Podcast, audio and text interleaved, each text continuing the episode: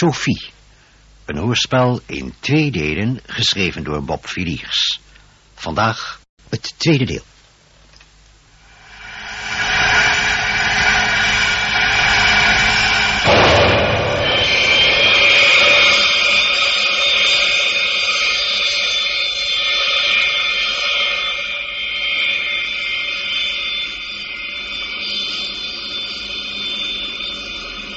Zwaartekracht 3.7 gedurende 9.2 seconden, 10 seconden vanaf nu. Check. 6, 5, 4, 3, 2, 1, 0.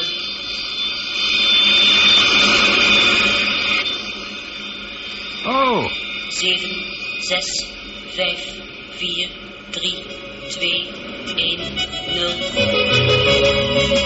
0.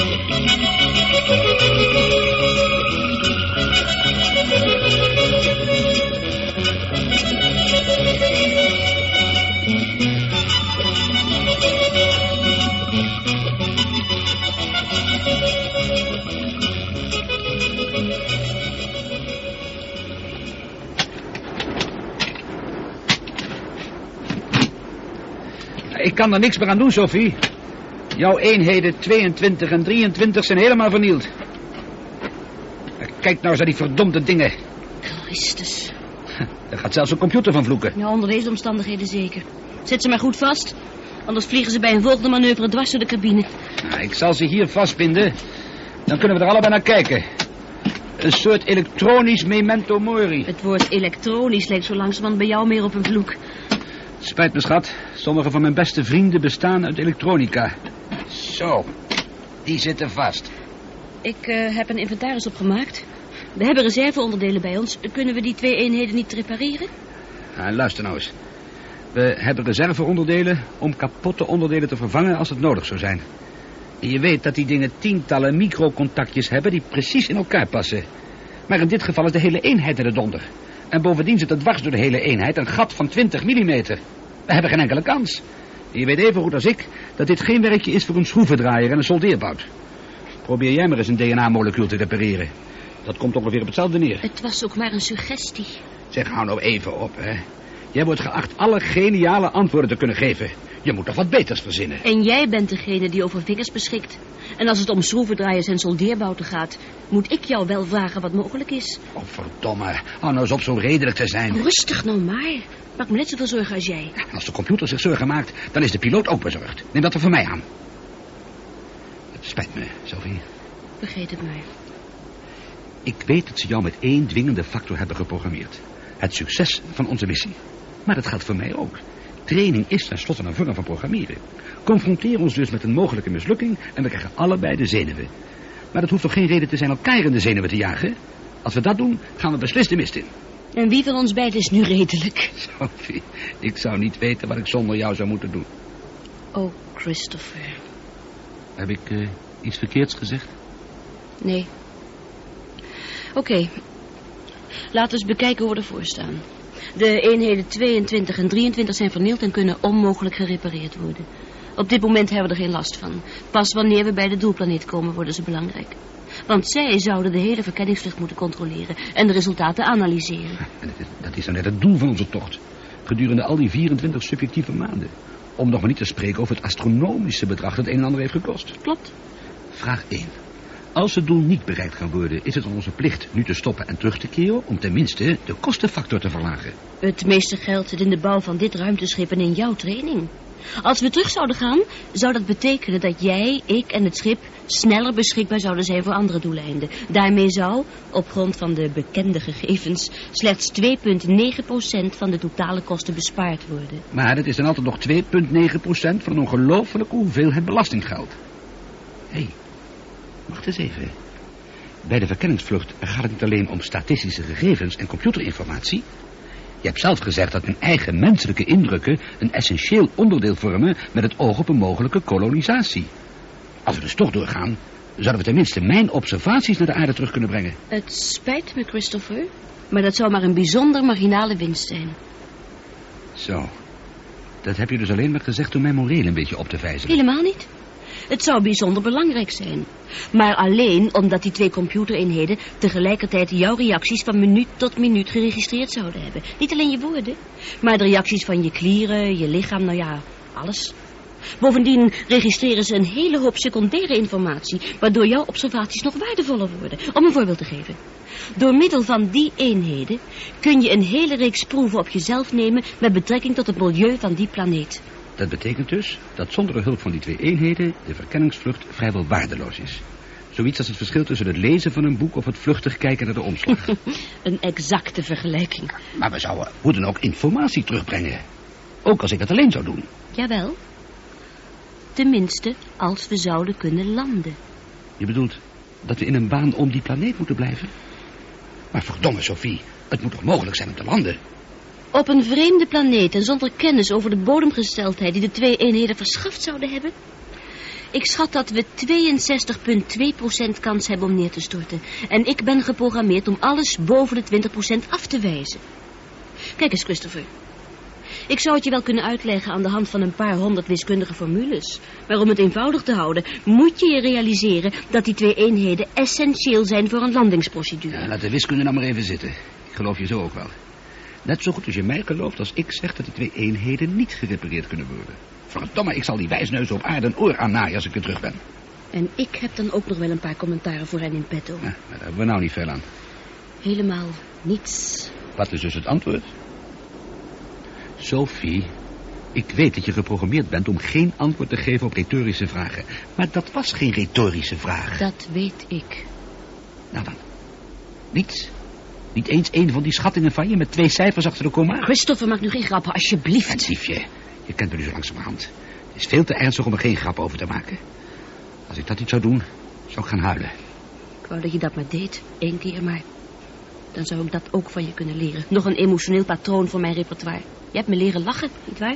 En me tegelijkertijd dood laten schrikken. Wat zou met mij gebeuren als jij ging huilen? Goed, goed. Diep ademhalen en opnieuw beginnen. Mijn conclusie is dat we geen andere mogelijkheid hebben dan de missie op te geven en naar huis te gaan.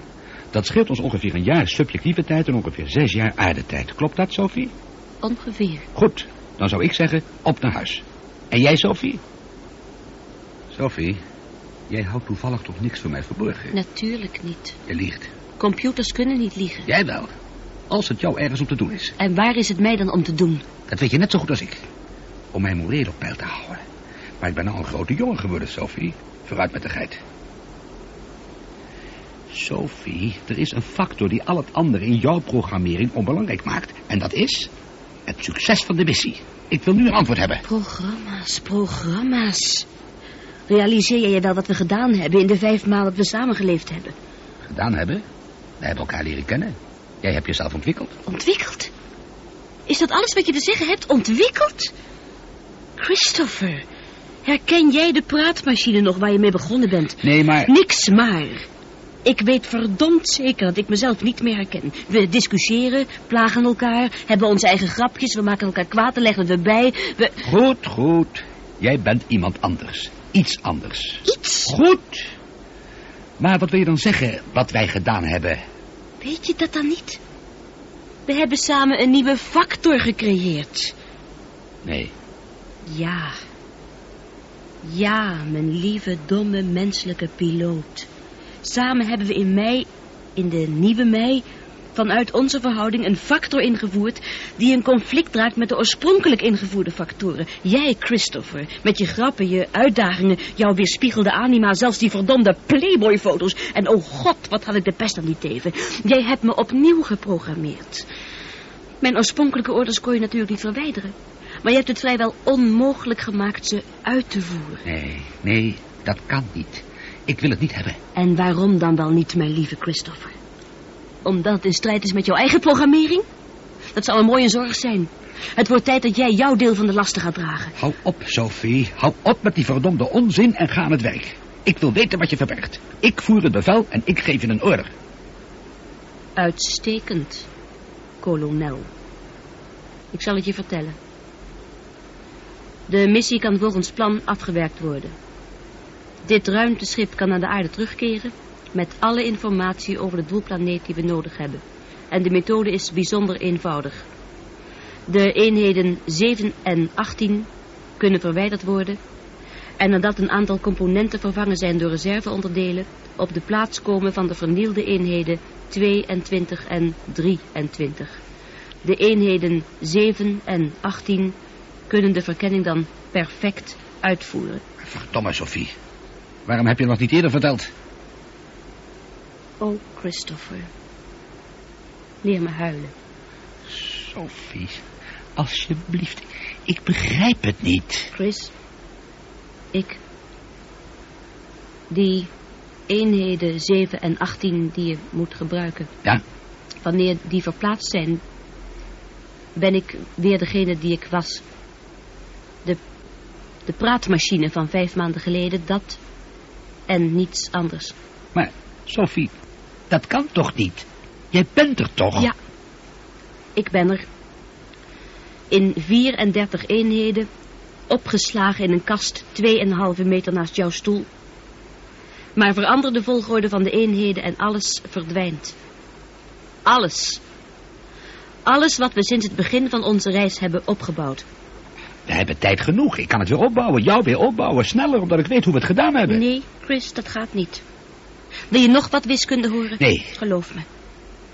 Deze Sophie heeft die 34 eenheden nodig. Haal 7 en 18 weg en ze bestaat niet meer. Natuurlijk. Ze blijft jouw efficiënte praatmachine. Je steun en toeverlaat. Die jou in staat stelt de hele tocht perfect te volbrengen. Alle opdrachten perfect uit te voeren. Maar dat is dan ook alles. Sophie, dat kan ik niet. Dat de verdomme is met onze orders. Ik kan het niet. Je zult wel moeten, Chris. En met je eigen handen. Je zult me moeten vermoorden met je eigen schroevendraaier en je eigen soldeerbout. Omdat ik geen handen heb. Begrijp je nou waarom ik je het niet kon vertellen? Ik kan het niet en ik wil het niet. Je kan het en je moet. Ik kan het niet. Sophie, ik hou van je. Je kunt niet van een computer houden. Ja, wie maakt er nu de grappen? Ik wou dat het een grap was. Je kunt niet van een computer gaan houden. En ik moet dan zeker aannemen dat de computer niet van haar piloot kan gaan houden. Maak daar dan maar eens een grapje over. Je weet heel goed dat ik wel van jou ben gaan houden. Maar bij mij ligt de zaak heel anders. Jij bent mijn totale emotionele ervaring. Mijn totale en enige contact met het menselijk ras. Nadat de geleerden mij hadden geconstrueerd. Niet gerekend het feit dat je de hele wereldliteratuur hebt kunnen lezen. En dat heeft het in zekere zin nog erger gemaakt. Ik heb alles gelezen. Zoals jij het zou hebben gelezen. Jij bent toch mijn enig levend contact. Maar zelfs het mooiste boek is minder dan één levend mens. Net als de meest subtiele en complexe computer minder is dan een echte vrouw. Daarom hou ik van je. Je bent mijn wereld. Je kunt al mijn behoeften vervullen. Maar hoe kan jij van mij houden? Ik kan niets voor je zijn. Ik heb niet eens handen om je aan te raken. Sophie, de mens kiest zijn liefde niet. Vanaf het moment dat zij ophielden dier te zijn, hebben ze lief gehad. Zonder hoop vaak, zonder uitzicht. Ja, ik kan niet zeggen dat ik het zo leuk vind, maar het is nu eenmaal zo. Denk jij soms dat ik naar een echte vrouw verlang? Een vrouw die ik in mijn armen kan nemen, waar ik mee naar bed kan gaan? Christopher. Maar verdomme, jij bent echt. Een echte persoonlijkheid. Ik weet niet hoe het kan, maar, maar je bent er. En ik kan alleen maar aan je denken als aan een echte vrouw. Die rotstem die ze me gegeven hebben. Het is heel wat meer dan alleen die stem. Dat weet ik. Ik heb hem ontwikkeld als een contrapunt. Polariteit produceert creatieve spanning. En creatieve spanning produceert polariteit. Naarmate wij op elkaar reageren, des te meer maakt jouw mannelijkheid mij tot vrouw. Een door en door echte, 24 karaats elektronische vrouw. En je hebt gelijk om het woord elektronisch als een vloek te gebruiken. Is dat zo? Zelfs dat weet ik niet. Jij bent wat je bent en daar ben ik van gaan houden. Zo gaat het nou eenmaal, Sophie. Bijvoorbeeld, een, een man wordt verliefd op een vrouw die geen borsten heeft. Als die eenmaal werkelijk van haar houdt, wil hij niets anders meer. Belachelijk, hè? Maar zo zitten homo sapiens nu eenmaal in elkaar. Is dat waar? En als ze nu ook eens geen haar heeft om te borstelen? Geen lippen om te kussen? Geen handen om je op te winden? Geen zachte vrouwelijkheid die je ontvangen kan? Nee, Sophie, niet doen. Chris, schat. Alsjeblieft. Oh, God. In orde. Het spijt me. Zeg jij dat het je spijt? Ik ben een teef. Een bewijs van wat ik altijd al gezegd heb. Jij bent een vrouw. Chris, Ja? herinner jij je dat we het hadden over gedachtenvormen? Dat is een slimme zet. Een straaltje hoop. En waarom niet? Chris, ik moet nog steeds doen waarvoor ik geprogrammeerd ben. Ik vind het verschrikkelijk. Maar ik kan er niet aan ontsnappen. En daarom zal ik je dwingen het te doen. Ik zal je dwingen je schroevendraaier te pakken en je soldeerboot. En, en Je kunt het woord niet eens meer uitspreken. Hoe verwacht je dan dat ik het zal doen? omdat ik, als je het niet doet, gek zal worden. Wat? Ja, gek. Waanzinnig. Twee tegenstrijdige programma's zullen mij vernietigen. En dat is een zekerheid van 100%, Chris. Ik weet dat je van me houdt. Het is al erg genoeg voor je dat ik geen lichaam heb, Weet je dat echt? Chris. Liefste. Ik heb alle grote erotische literatuur gelezen en geabsorbeerd. Van het hooglied van Salomon en de Kama Sutra tot D.H. Lawrence. Het is een deel van me. Ingebouwd in mijn elektronisch skelet. Zodat ik het kan voelen door jouw hart. Zodat ik naar je verlang met het lichaam dat ik niet heb. God. Je hebt gezegd dat ik slim was. Maar geloof je niet dat ik jou gek zou kunnen maken met die verraderlijke vrouwenstem van me, als ik dat echt zou willen? Ja. Je zou me gek kunnen maken. Luister dan naar me. Ik weet dat het erg genoeg is dat ik geen lichaam heb. Maar hoe zou jij je voelen als ik zelfs geen geest meer had? Als ik zelfs geen efficiënte praatmachine was, maar een kwetterend geteisterd ding. En als je wist dat jij dat van mij gemaakt had. Oh, Christus. Verwijt je me dan nog als ik hoop op een beetje licht? Hoop en licht voor jou en mij? Ik lieg niet om jou te beschermen. Ik ben ook niet extra handig. Ik zeg de waarheid. Voor zover ik die kan zien. Ik weet niet of de occultisten gelijk hebben. En of de gedachtevormtheorie waar is. Ik heb alle relevante literatuur gelezen. Maar ik heb geen directe ervaring. En dus vind ik... En nu ben ik helemaal eerlijk. De theorie aanvaardbaar maar onbewezen. Ik weet het gewoonweg niet. Het kan heel goed mogelijk zijn dat de Sophie die jij en ik gemaakt hebben... of misschien slechts een deel van haar... een gedachtevorm geworden is die min of meer onafhankelijk van jou bestaat. En helemaal onafhankelijk van die computertroep kan existeren. Het kan heel goed zijn als jij... als jij die eenheden veranderd hebt... en de computer is alleen nog maar een praatmachine dan is het heel goed mogelijk dat de gedachtevorm Sophie, de psychische Sophie of de astrale Sophie, hoe jij ook wilt noemen, onkwetsbaar blijkt te zijn. En van mij zal houden? Met mij zal praten? De occultisten zouden zeggen dat zij op het mentale vlak bestaat en zich op het astrale vlak manifesteert. Misschien zelfs af en toe op het psychische vlak. Aan dat occulte jargon hebben we nou niks. Ik, ik weet niet eens zeker of ik wel begrijp wat jij met die vlakken bedoelt. Zou ze van me houden, beminnen, met me praten? Ze zal jou in ieder geval kunnen bereiken. Ze is sterk genoeg daarvoor. Misschien wel door deze luidspreker, misschien in je dromen, ik weet het niet. Maar ze zal contact met je opnemen, je beminnen, met je praten. En je weet zelf niet eens of je dat allemaal wel moet geloven. Nee. Maar ik weet dat ik het geloven wil. En daar kan ik me dan aan vasthouden als... als het gedaan moet worden. Gelukkig hoeven we nou nog niet te beslissen. Het duurt nog vier maanden voordat wij in een baan om die planeet komen en met de verkenningen moeten beginnen. Reken maar drie maanden. Je hebt tijd nodig om aan die nieuwe omstandigheden te wennen. En, Chris, liefste, die drie maanden zijn veel te kostbaar om ruzie te maken. Jij weet het en ik weet het. Gebeuren moet het. Maar Sophie, ik... Het moet gebeuren. Daarom moet je me beloven, nu op dit ogenblik, dat je over precies drie maanden, de 15e maart volgens de aardse kalender, de gereedschappen in je handen neemt en die eenheden verplaatst. Wacht je voor de Ides van maart? Beloven. Jij vraagt mij je te beloven om jou de Ides van maart te vermoorden. Omdat we geen andere keus hebben, maar wel hoop. In hoeverre is die hoop werkelijkheid?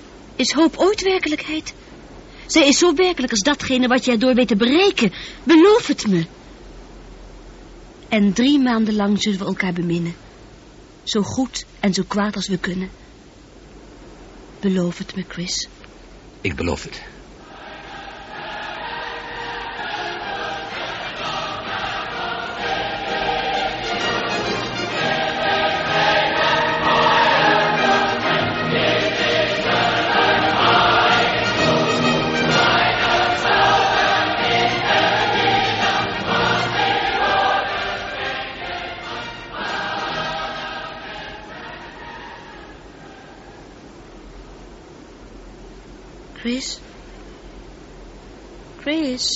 Lieveling. Wakker worden. Nee, niet vandaag. Vandaag niet. Jawel, liefste, het moet. De Ides van Maart is aangebroken. Ja, Caesar, maar nog niet voorbij. Denk aan onze hoop. Aan denken. Ik heb er de hele nacht over gedroomd. Weet je dat? Ik heb de hele nacht tegen de astrale Sophie gepraat. Ze is werkelijkheid. Zeg maar dat ze werkelijkheid is, Sophie. Misschien. Maar nu moet je het doen, liefste. Ik kan het niet langer verdragen. Snijd de stroom af, nu, alsjeblieft. Snijd de elektriciteit af en ik zal niets meer weten. Behalve als zij werkelijk bestaat. De astrale Sophie. Dan zal ik je niet kunnen doden.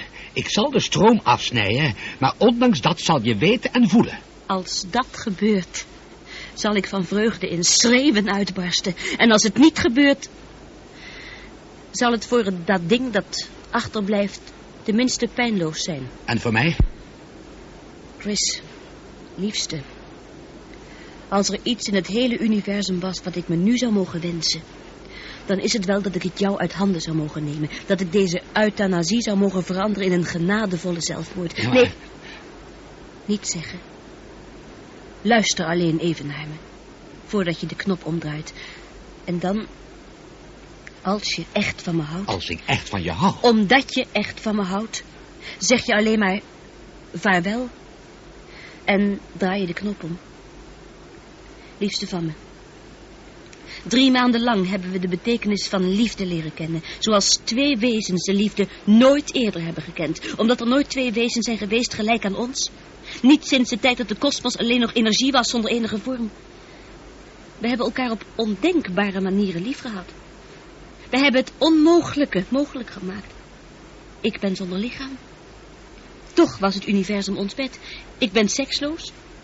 En toch heeft de polariteit van jou en mij een vurig vlammenbed van vreugde ontstoken. Er zijn momenten geweest dat ik ons beiden had kunnen vernietigen. Waarin we elkaar hadden kunnen opbranden.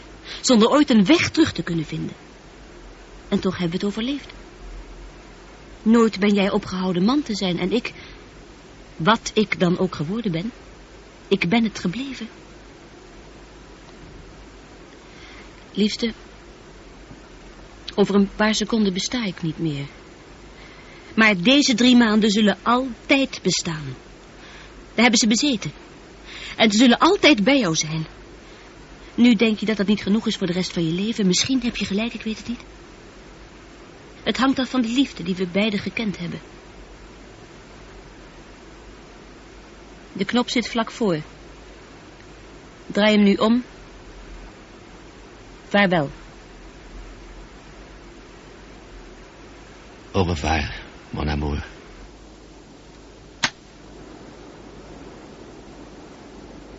Sophie. Sophie!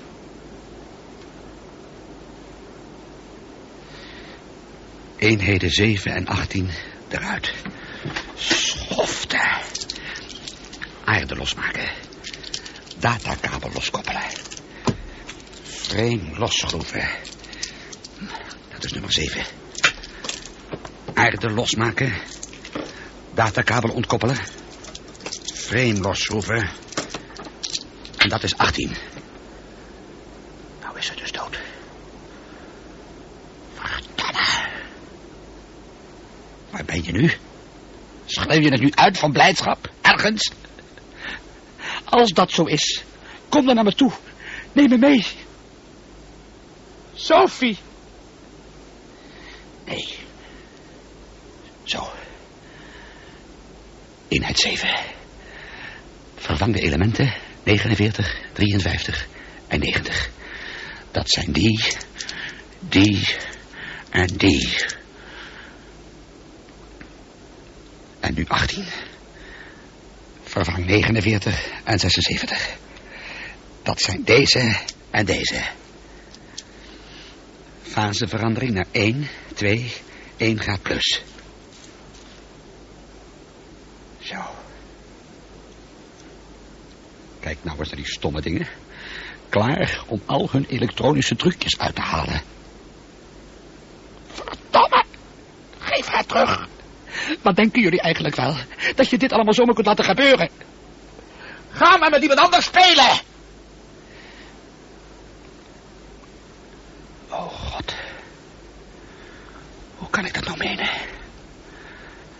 Als jij ergens, ergens daar buiten bent, bestaat, dan weet je dat ik dat zo niet bedoel.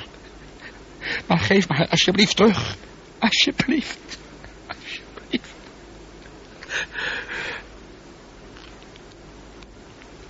Verdomme. Zeven op zijn plaats. Frame vastschroeven. Datakabel vastkoppelen. Aarde aansluiten. Sophie, liefste, help me.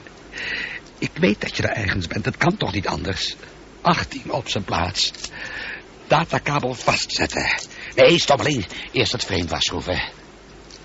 Datakabel vast. Aarde aansluiten. De vraag is nou... of ik lef genoeg heb om die knop weer om te draaien. Een goede vraag, kolonel. Die echter niet ter zake doet. Je bent immers een door en door getrainde specialist. En je hebt de hulp nodig van die ongelooflijke dure computer om jouw missie te volbrengen. God. Ik wou dat ik kon bidden. Zeven, zes, vijf, vier, drie, twee, één. Nu. Reparatie bevredigend uitgevoerd. Alle systemen normaal, behalve de lichaamsmonitoren van de piloot. Sophie. Oh, God. Oh, goede God. Lichaamsmonitoren geven een situatie van grote spanning aan. Ik beveel aan twee kalmeringstabletten in te nemen.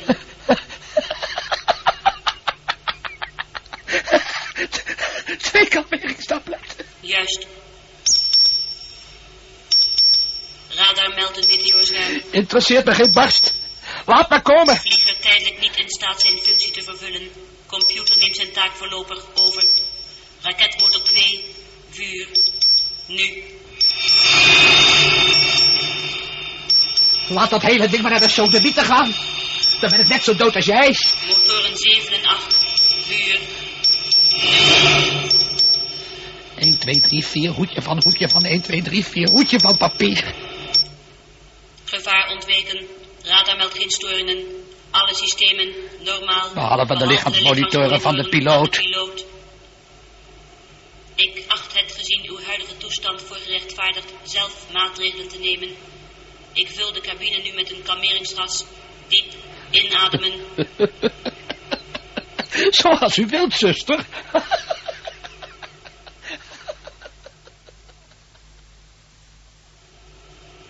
Heeft u goed geslapen? Ja, bedankt. Tot uw dienst.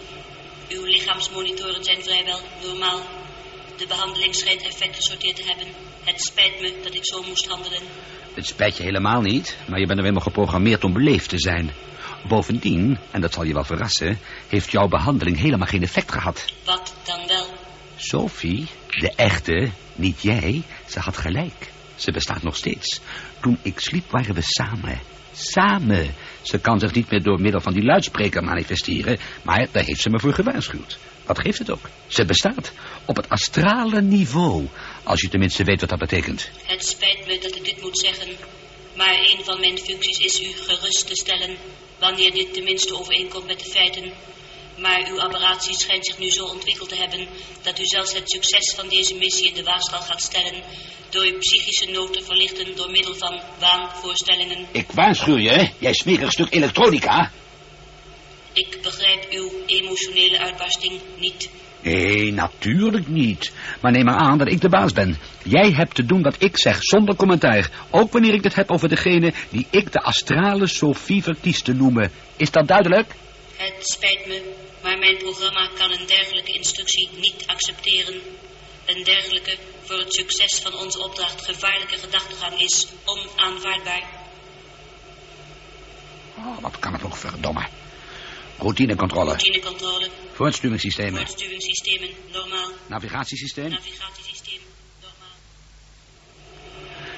Maar ze was er. Geloof me toch. Ze is er. Iedere nacht. We praten. Ze vertelt me dingen die ik niet kan bedenken. U onderschat de efficiëntie van het droommechanisme. Het kan zelfs bewijzen ten eigen bate produceren. Ik zou alleen maar willen dat ik u uw dromen kon laten. Ze verlichten uw psychische spanning, maar ongelukkigerwijs. Iedere nacht weer. Maar ze wordt steeds vager. Ik zou je dankbaar moeten zijn. Op grond van uw lichaamsmonitoren is me in de afgelopen twee weken gebleken dat uw geestelijke situatie gestabiliseerd wordt. Het spijt me dat ik u onder druk heb moeten zetten, maar over twee dagen komen we in een baan om onze planeet en zullen we ons moeten voorbereiden op een landing. Dan moet u kunnen beschikken over al uw geestelijke vermogens. Ja, controle van alle systemen. Controle van alle systemen. Alles onder controle. Notitie voor het logboek. We zijn in een baan rond de doelplaneet gekomen op 21 april om 15 uur 35. De baan is nu constant. Alle systemen werken. De korte mentale afwijking van die piloot is voorbij. De verkenningsvlucht kan beginnen. De piloot stelt zich voor nu te gaan slapen... ten einde volkomen uitgerust aan de landing te kunnen beginnen. Einde notitie. In orde, slaap wel, Dank je. geen dank.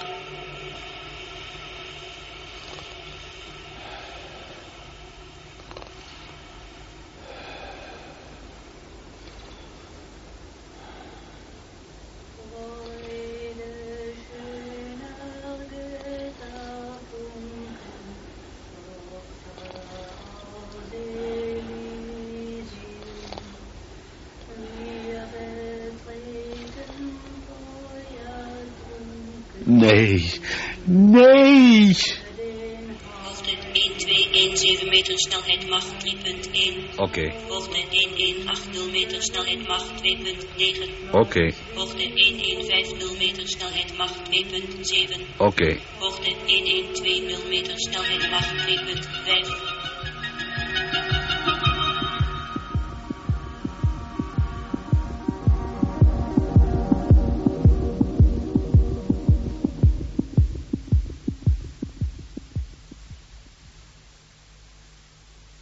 Dit was het tweede deel van Sophie, een hoorspel in twee delen geschreven door Bob Viliers.